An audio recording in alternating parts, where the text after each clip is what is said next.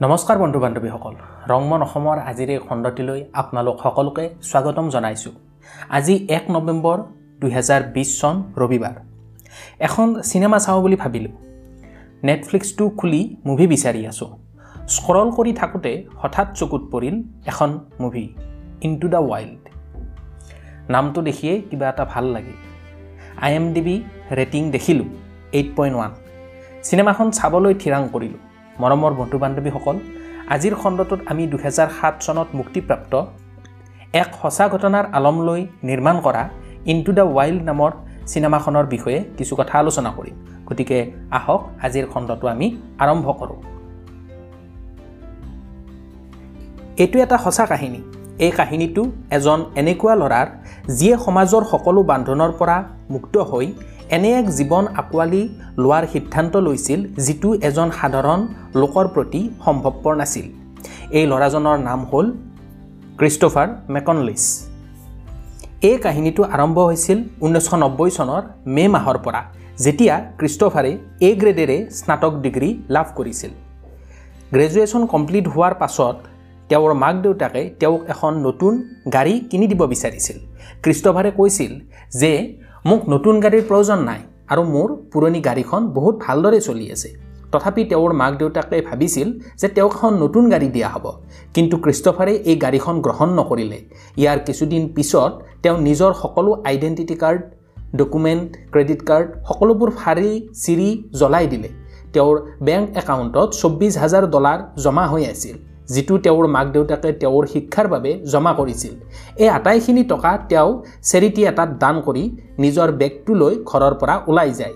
এই কথাটো কোনেও নাজানে যে ক্ৰিষ্টফাৰ কলৈ যাব আৰু কিয় যাব। কিন্তু ক্ৰিষ্টফাৰ যাব। দৰাচলতে নিজৰ মাক দেউতাকৰ দৈনন্দিন কাজিয়া আৰু মাক দেউতাকৰ পৰা পাব লগা প্ৰকৃত মৰম আৰু আদৰৰ অভাৱত ক্ৰিষ্টফাৰৰ মন ভাৰাক্ৰান্ত হৈ পৰিছিল আৰু সেইবাবেই তেওঁ নিজৰ গাড়ীখন লৈ পুৰণি সকলো পৰিচয় সকলো সম্বন্ধ পৰিত্যাগ কৰি এনে এক স্থানলৈ যাত্ৰা কৰিলে য'ত তেওঁৰ আশে পাশে কোনো নাথাকে তেওঁ কোনেও নাজানে। নিজৰ যাত্ৰা আৰম্ভ কৰাৰ পাছত ৰাতি তেওঁ এখন ঠাইত গাড়ীখন পাৰ্ক কৰিলে আৰু তাতেই শুই গ'ল। এই ঠাইখিনি ফ্লাডেড এৰিয়া আছিল। ৰাতি যেতিয়া তেওঁ শুই আছিল ফ্লাড আহিছিল আৰু তেওঁৰ গাড়ীখন তাতেই ফচি গৈছিল। গতিকে ক্ৰিষ্টফাৰে ৰাতিপুৱা গাড়ীখন তাতেই এৰি নিজৰ যাত্ৰা পুনৰ আৰম্ভ কৰিলে। কিন্তু গাড়ীখন এৰি যোৱাৰ আগত তেওঁ গাড়ীখনৰ নাম্বাৰ প্লেটখন আঁতৰাই পেলালে যাতে কোনেও চিনি নাপায় যে সেইখন ক্ৰিষ্টফাৰৰ গাড়ী আছিল। ইয়াৰ পিছত তেওঁ তেওঁৰ লগত থকা আটাইখিনি টকা পুৰি পেলালে। ইয়াৰ পিছত ক্ৰিষ্টফাৰৰ লগত একোৱেই নাথাকিল। থাকিল মাত্ৰ তেওঁৰ ড্ৰিম তেওঁৰ ভিজন আৰু তেওঁৰ এটা বেগ। ইয়াৰ পিছত ক্ৰিষ্টফাৰে ৰাস্তাৰে গৈ থকা আন যাত্ৰীবোৰৰ পৰা লিফ্ট লৈ নিজৰ যাত্ৰা আৰম্ভ কৰিলে। কিয়নো তেওঁৰ লগত না গাড়ী আছিল না পইচা আছিল। তেওঁৰ য'তেই মন যায় ত'তেই শুই যায় আৰু যলৈ যাব মন যায় তালৈ গুচি যায়। এনেহেন হৈছিল যে ক্ৰিষ্টফাৰে যেন সমগ্ৰ পৃথিৱীখনকে নিজৰ ঘৰ বুলি মানি লৈছিল আৰু ইয়াৰ পিছত তেওঁ নিজৰ নামটোও সলাই লৈছিল। তেওঁৰ নতুন নামটো আছিল আলেকজেণ্ডাৰ চুপাট্ৰাম এই যাত্ৰাতে তেওঁৰ এহাল দম্পতীৰ লগত চিনাকি হয়। তেওঁলোকৰ নাম আছিল ৰেনী আৰু জেম। দম্পতীহালে ক্ৰিষ্টফাৰক লিফ্ট দিছিল আৰু কৈছিল যে তেওঁলোকো ক্ৰিষ্টফাৰৰ দৰে মাত্ৰ তেওঁলোকৰ গাড়ী আছে আৰু ক্ৰিষ্টফাৰৰ নাই। ইয়াৰ পিছত ক্ৰিষ্টফাৰ কিছুদিন তেওঁলোকৰ লগতে কটালে আৰু এদিন ৰেনীয়ে ক্ৰিষ্টফাৰক ক'লে যে তেওঁৰ নিজ পত্নী অৰ্থাৎ জেনৰ লগত সম্পৰ্ক বৰ এটা ভাল নহয় কিয়নো জেনে নিজৰ অতীতৰ পৰা বাহিৰ ওলাবই নোৱাৰে। ৰেণীৰ লগত বিবাহৰ পূৰ্বে জেনৰ আৰু এবাৰ বিবাহ হৈছিল আৰু পূৰ্বৰ স্বামীয়ে জেনক বিশ্বাসঘাতকতা কৰি এৰি দিছিল। এই দুখৰ পৰা জেন সম্পূৰ্ণভাৱে মুক্ত হ'ব পৰা নাছিল আৰু ইয়াকে লৈ ৰেণী আৰু জেনৰ সম্পৰ্ক বৰ এটা মধুৰ নাছিল। ক্ৰিষ্টফাৰে তেতিয়া কৈছিল যে কিছুমান মানুহে নিজকে আনে ভাল পাবৰ লায়ক বুলি ভাবিব নোৱাৰে আৰু অকলশৰে থাকি পুৰণি আঘাতবোৰ পূৰাব পাৰিব বুলি ভাবে। ৰেণীয়ে ক্ৰিষ্টফাৰক ক'লে আৰে বা তুমিতো বহুত জ্ঞানী হয়। তুমি কিবা জ্ঞান দিয়া বাবা নহয়তো। ক্ৰিষ্টফাৰে ক'লে চুলিবোৰ চালেতো তোমাকহে বাবা যেন লাগে। কাৰণ ৰেণীৰ চুলি বহুত দীঘল আছিল। এনেকুৱা হৈছিল যে ক্ৰিষ্টফাৰ যেতিয়া তেওঁলোকৰ লগত আছিল তেওঁলোকৰ সম্পৰ্কও যথেষ্ট ভাললৈ আহিছিল।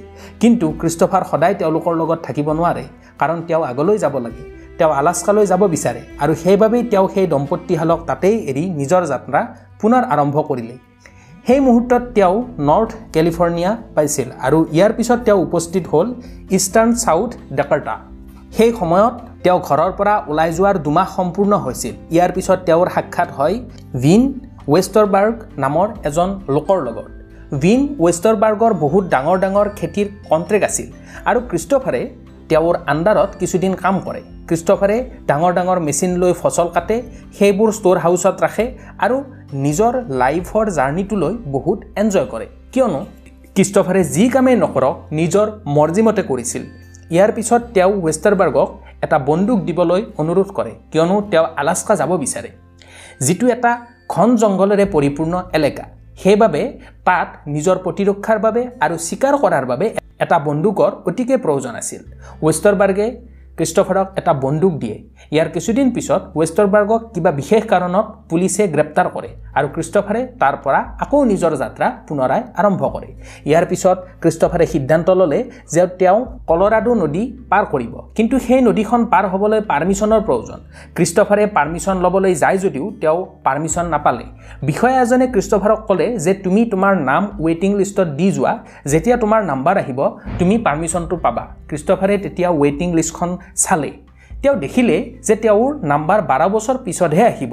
শেষত উপায়বিহীন হৈ তেওঁ নাও এখন লৈ বিনা পাৰ্মিশ্যনে নদীত নামি পৰিল। এনেদৰে নাও চলাই চলাই তেওঁ এহাল দম্পতীক লগ পালে। তেওঁলোকে ক্ৰিষ্টফাৰক ক'লে যে এই নদীয়েদি গৈ গৈ ক্ৰিষ্টফাৰে মেক্সিকো পাব পাৰিব।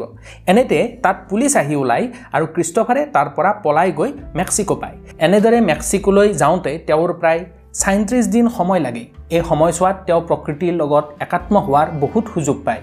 তেওঁ গুহাত থাকি জীৱ জন্তুৰ লগত বিচৰণ কৰি মেক্সিকো পায়গৈ।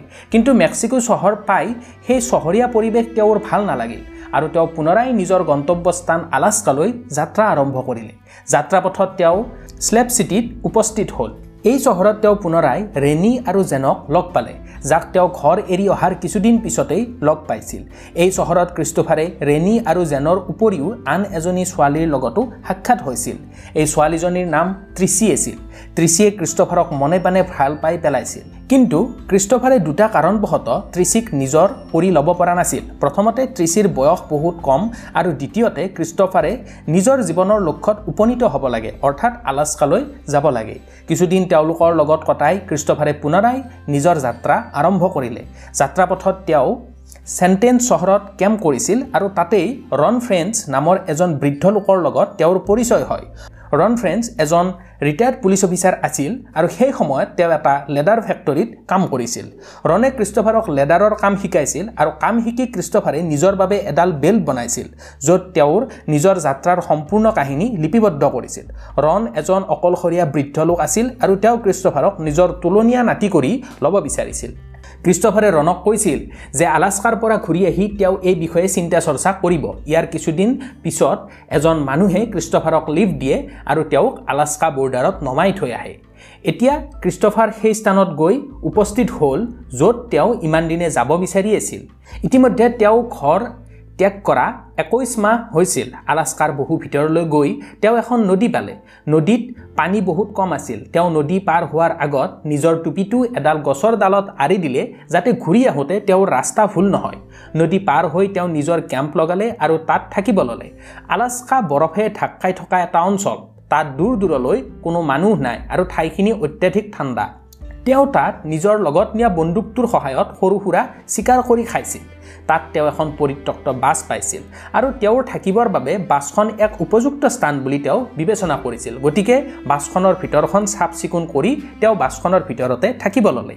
তেতিয়া তেওঁ এনে এক জীৱন জীয়াইছিল যিটো জীৱন তেওঁ জীয়াব বিচাৰিছিল আৰু এনে এক ঠাইত আছিল যি ঠাইত তেওঁ থাকিব বিচাৰিছিল। তেওঁ তাত বহুত পঢ়িছিল আৰু নিজৰ অভিজ্ঞতাবোৰ এখন ডায়েৰীত লিখি গৈছিল।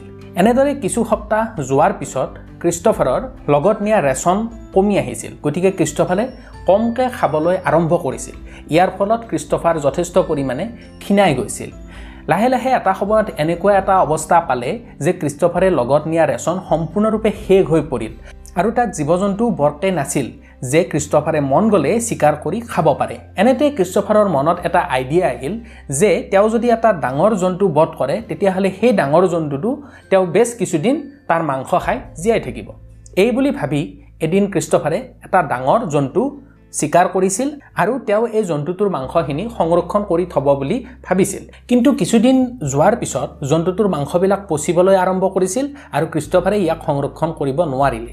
তেতিয়া ক্ৰিষ্টফাৰে মনত ভাবিছিল যে মানুহে প্ৰকৃতিৰ বিৰুদ্ধে নানান ধৰণৰ কাম কৰি আছে যদিও প্ৰকৃতি হ'ল সকলোতকৈ ঊৰ্ধত এনেদৰে কিছুদিন যোৱাৰ পিছত ক্ৰিষ্টফাৰৰ অৱস্থা আৰু বেছি বেয়ালৈ ঢাল খালে। এনেতে ক্ৰিষ্টফাৰে ভাবিলে যে তেওঁ এই আটাইবিলাক কেম্প সামৰি পুনৰাই ঘৰলৈ ঘূৰি যাব। কিন্তু তেওঁ ঘূৰি গৈ দেখে যে যিখন নদী তেওঁ পাৰ হৈ আহিছিল সেই নদীখনত ইতিমধ্যে বহুত পানী জমা হৈ গৈছে আৰু নদীখনৰ পানীৰ বহুত সোঁত আছিল। আৰু এই সোঁত পাৰ হৈ সিপাৰ হোৱাটো ক্ৰিষ্টফাৰৰ পক্ষে সম্ভৱপৰ নাছিল। হতাশ হৈ ক্ৰিষ্টফাৰ পুনৰ পৰিত্যক্ত বাছখনলৈ ঘূৰি গ'ল আৰু তাত তেওঁ জীৱন নিয়াবলৈ ধৰিলে। খোৱা খাদ্যৰ অভাৱত ক্ৰিষ্টফাৰে আলাস্কা অঞ্চলত থকা নানান ধৰণৰ বনৰীয়া গছৰ ফল মূল শিপা ইত্যাদি খাই জীৱন নিৰ্ধাৰণ কৰিছিল। কিন্তু ভুলবশতঃ এদিন এটা বিষাক্ত ফল খাই ক্ৰিষ্টফাৰৰ বেমাৰ হ'ল। আচলতে সেইটো এটা বিষাক্ত ফল আছিল আৰু বিষাক্ত ফলটোৰ বিষক্ৰিয়া ক্ৰিষ্টফাৰৰ শৰীৰত দেখা দিয়া আৰম্ভ কৰিলে।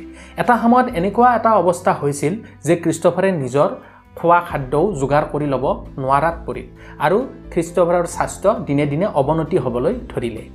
আৰু নিজৰ মৃত্যুক চকুৰ সন্মুখত দেখি ক্ৰিষ্টফাৰে এটা কথা বুজিলে যে মানুহ প্ৰকৃততে সুখী তেতিয়াহে হয় যেতিয়া নিজৰ সুখখিনি আপোনজনৰ লগত শ্বেয়াৰ কৰিব পাৰে। আৰু আপোনজনৰ লগত একেলগে থকাতহে জীৱনৰ প্ৰকৃত সুখ আছে। মানুহে হয়তো ভাবিব পাৰে যে অকলশৰে নিজৰ স্ব ইচ্ছাই যিকোনো কাম কৰি স্বাধীনভাৱে থাকি মানুহ সুখী হ'ব বুলি কিন্তু সকলোতকৈ শেষত আহে ৰিলেশ্যনশ্বিপবোৰ গতিকে এই মুভিখনৰ জৰিয়তে এইটোৱে মেছেজ দিব বিচৰা হৈছে যে আমি যিমানেই স্বাধীন নহওক কিয় সকলোতকৈ বেছি সুখটো আমি তেতিয়াহে পাওঁ যেতিয়া আমি আমাৰ সুখবিলাক আমাৰ সম্পৰ্কীয় মানুহখিনিৰ লগত আমাৰ বন্ধু বান্ধৱৰ লগত আমাৰ ঘৰৰ মানুহখিনিৰ লগত শ্বেয়াৰ কৰিব পাৰোঁ বা আৰু আমি একেলগে থাকিব পাৰোঁ। আৰু এনে এক মেছেজ নিজৰ ডায়েৰীখনত লিখিয়েই ক্ৰিষ্টফাৰে শেষ নিশ্বাস ত্যাগ কৰিছিল। গতিকে বন্ধু বান্ধৱীসকল আপোনালোকক এই মুভিখনৰ কাহিনীটো থুলমূলকৈ ক'বলৈ চেষ্টা কৰিলোঁ। এই মুভিখন পৰিচালনা কৰিছিল চিন পেন নামৰ লোকজনে আৰু ইয়াৰ মুখ্য চৰিত্ৰত অৰ্থাৎ ক্ৰিষ্টফাৰৰ চৰিত্ৰত অভিনয় কৰিছিল ইমাইল হিৰ্ছ নামৰ অভিনেতাজনে। মৰমৰ বন্ধু বান্ধৱীসকল আজিৰ খণ্ডটোত ইমানেই। অহা খণ্ডত পুনৰ নতুন এক বিষয় লৈ আপোনালোকৰ মাজত উপস্থিত হোৱাৰ প্ৰতিশ্ৰুতিৰে আজিলৈ বিদায় লৈছোঁ। আপোনালোকক বহুত বহুত ধন্যবাদ।